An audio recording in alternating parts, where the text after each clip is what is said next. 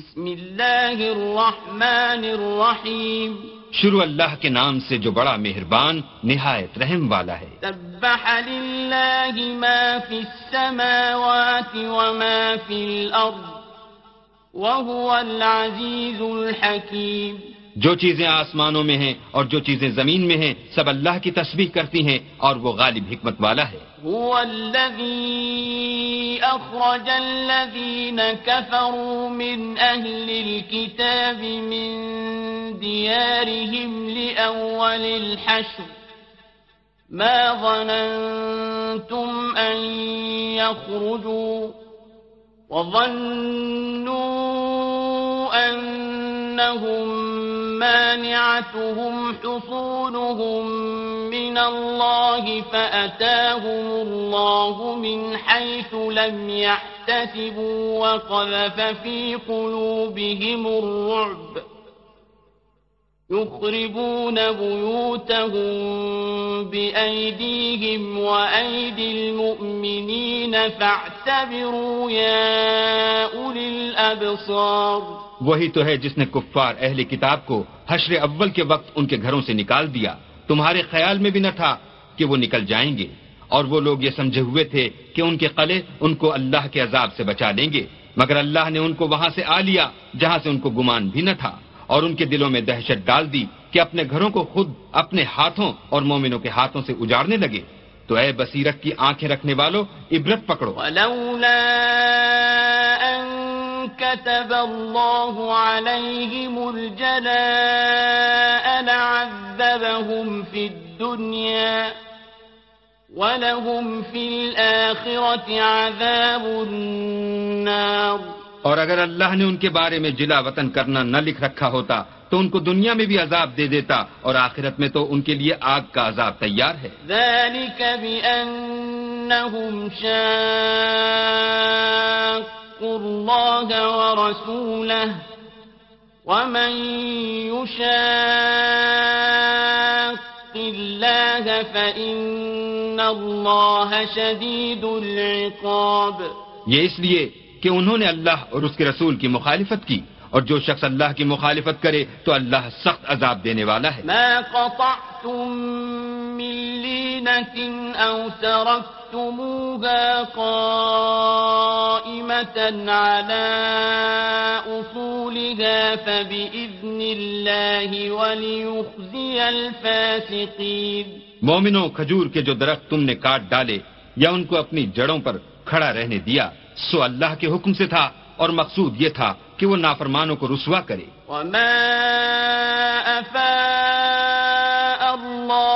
على رسوله منهم فما أوجفتم عليه من خيل ولا ركاب فما أوجفتم عليه من خيل ولا ركاب ولكن الله يسلط رسله على من يشاء والله على كل شيء قدير اور جو مال اللہ نے اپنے پیغمبر کو ان لوگوں سے لڑائی بھڑائی کے بغیر دلوایا ہے اس میں تمہارا کچھ حق نہیں کیونکہ اس کے لیے نہ تم نے گھوڑے دوڑائے نہ اونٹ لیکن اللہ اپنے پیغمبروں کو جن پر چاہتا ہے مسلط کر دیتا ہے اور اللہ ہر چیز پر قادر ہے۔ ما افاء الله على رسوله من القرى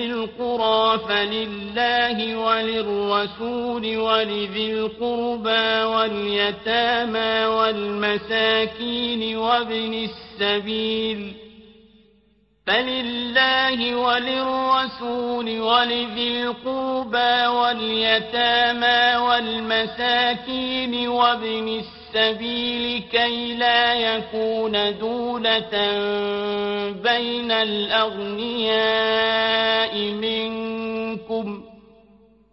وما آتاكم الرسول فخذوه وما نهاكم عنه فانتهوا واتقوا الله إن الله شديد العقاب جو مال اللہ نے اپنے پیغمبر کو دیہات والوں سے دلوایا ہے، وہ اللہ کے اور پیغمبر کے اور پیغمبر کے قرابت والوں کے اور یتیموں کے اور حاجت مندوں کے اور مسافروں کے لیے ہے۔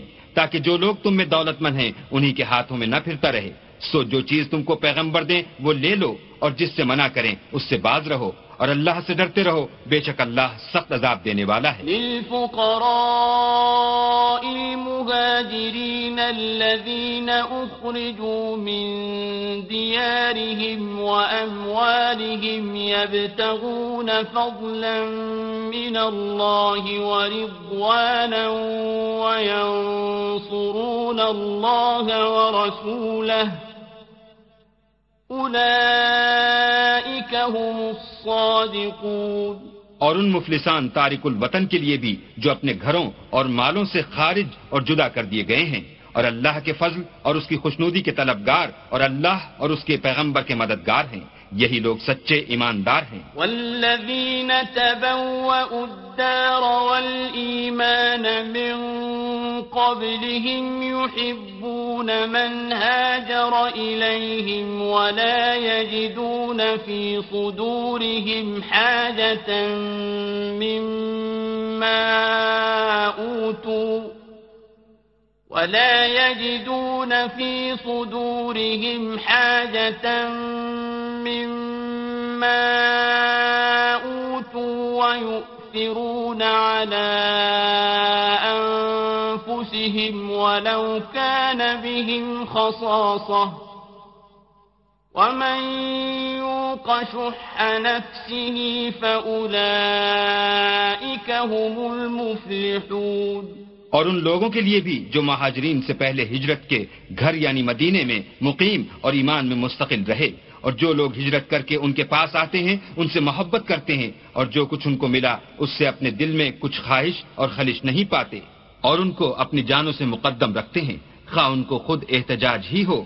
اور جو شخص پھر سے نفس سے بچا لیا گیا، تو ایسے ہی لوگ مراد پانے والے ہیں۔ والذین جاءوا بعدهم يقولون ربنا اغفر لنا ولإخواننا الذين سبقونا بالإيمان ولا تجعل في قلوبنا غلا للذين آمنوا ولا تجعل في قلوبنا غلا للذين آمنوا ربنا إنك رؤوف رحيم اور ان کے لیے بھی جو ان مہاجرین کے بعد آئے اور دعا کرتے ہیں کہ اے پروردگار، ہمارے اور ہمارے بھائیوں کے جو ہم سے پہلے ایمان لائے ہیں، گناہ معاف فرما اور مومنوں کی طرف سے ہمارے دل میں کینہ و حسد نہ پیدا ہونے دے۔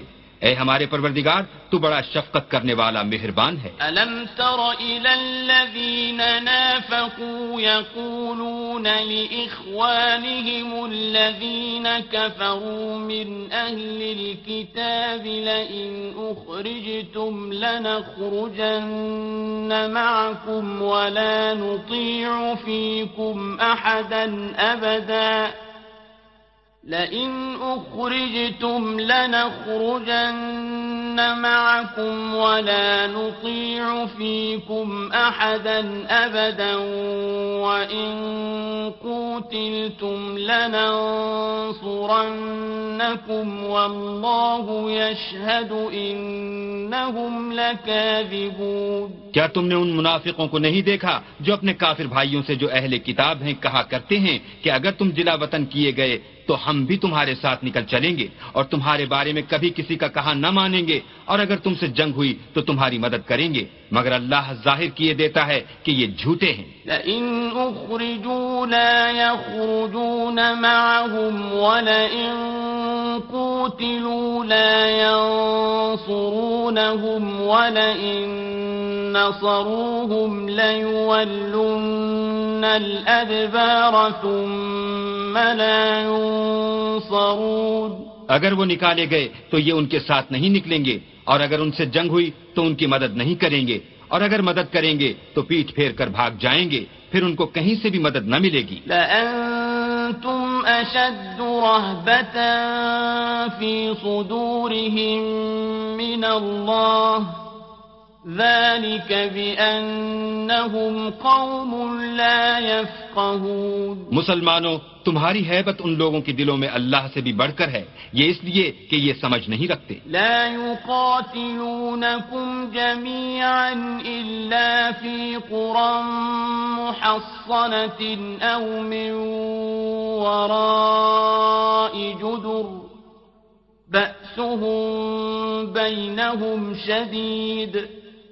تحسبهم جميعا وقلوبهم شتى. ذلك بأنهم قوم لا يعقلون. یہ سب جمع ہو کر بھی تم سے بالمواجہ نہیں لڑ سکیں گے، مگر بستیوں کے قلوں میں پناہ لے کر یا دیواروں کی اوٹ میں مستور ہو کر، ان کا آپس میں بڑا روب ہے۔ تم شاید خیال کرتے ہو کہ یہ اکٹھے اور ایک جان ہیں مگر ان کے دل پھٹے ہوئے ہیں۔ یہ اس لیے کہ یہ بے عقل لوگ ہیں۔ من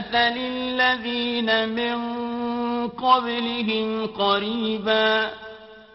ذاقوا وبال أمرهم ولهم عذاب أليم۔ ان کا حال ان لوگوں کا سا ہے جو ان سے کچھ ہی پیشتر اپنے کاموں کی سزا کا مزہ چکھ چکے ہیں اور ابھی ان کے لیے دکھ دینے والا عذاب تیار ہے۔ كمثل الشيطان إذ قال للإنسان اكفر فلما كفر قال إني بريء منك.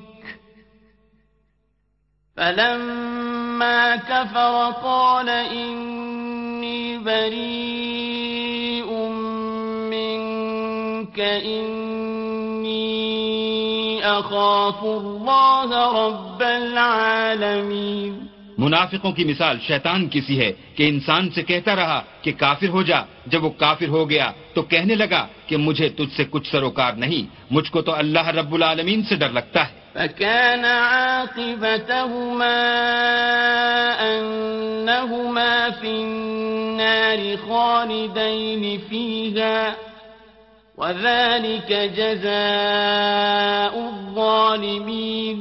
تو دونوں کا انجام یہ ہوا کہ دونوں دوزخ میں داخل ہوئے ہمیشہ اس میں رہیں گے اور بے انصافوں کی یہی سزا ہے۔ يا أيها الذين آمنوا اتقوا الله ولتنظر نفس ما قدمت لغد واتقوا الله إن الله خبير بما تعملون اے ایمان والو اللہ سے ڈرتے رہو اور ہر شخص کو دیکھنا چاہیے کہ اس نے کل یعنی فردائے قیامت کے لیے کیا سامان بھیجا ہے۔ اور ہم پھر کہتے ہیں کہ اللہ سے ڈرتے رہو بے شک اللہ تمہارے سب اعمال سے خبردار ہے۔ ولا تكونوا كالذين نسوا الله فأنساهم أنفسهم هم الفاسقون اور ان لوگوں جیسے نہ ہونا جنہوں نے اللہ کو بھلا دیا تو اللہ نے انہیں ایسا کر دیا کہ خود اپنے تئیں بھول گئے۔ یہ بد کردار لوگ ہیں۔ لا يستوي أصحاب النار وأصحاب الجنة أصحاب الجنة هم الفائزون. اہل دوزخ اور اہل بہشت برابر نہیں. اہل بہشت تو کامیابی حاصل کرنے والے ہیں. لو أنزلنا هذا القرآن على جبل لرأيته خاشعا متصدعا من خشية الله. وتلك الأمثال نضربها للناس لعلهم يتفكرون اگر ہم یہ قرآن کسی پہاڑ پر نازل کرتے تو تم اس کو دیکھتے کہ اللہ کے خوف سے دبا اور پھٹا جاتا ہے۔ اور یہ باتیں ہم لوگوں کے لیے بیان کرتے ہیں تاکہ وہ غور کریں۔ هو الله الذي لا إله إلا هو عالم الغيب والشهادة هو الرحمن الرحيم.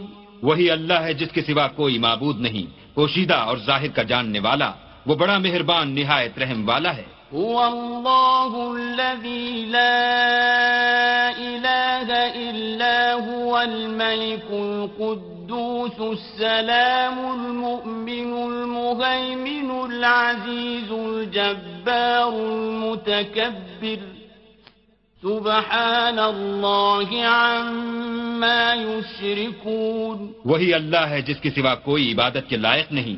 بادشاہ حقیقی، پاک ذات، ہر عیب سے سلامتی امن دینے والا، نگہبان، غالب، زبردست بڑائی والا۔ اللہ ان لوگوں کے شریک مقرر کرنے سے پاک ہے۔ هو الله الخالق البارئ المصور له الأسماء الحسنى يسبح له ما في السماوات والأرض وهو العزيز الحكيم۔ وہی اللہ تمام مخلوقات کا خالق ایجاد و اختراع کرنے والا صورتیں بنانے والا اس کے سب اچھے سے اچھے نام ہیں، جتنی چیزیں آسمانوں اور زمین میں ہیں، سب اس کی تسبیح کرتی ہیں اور وہ غالب حکمت والا ہے۔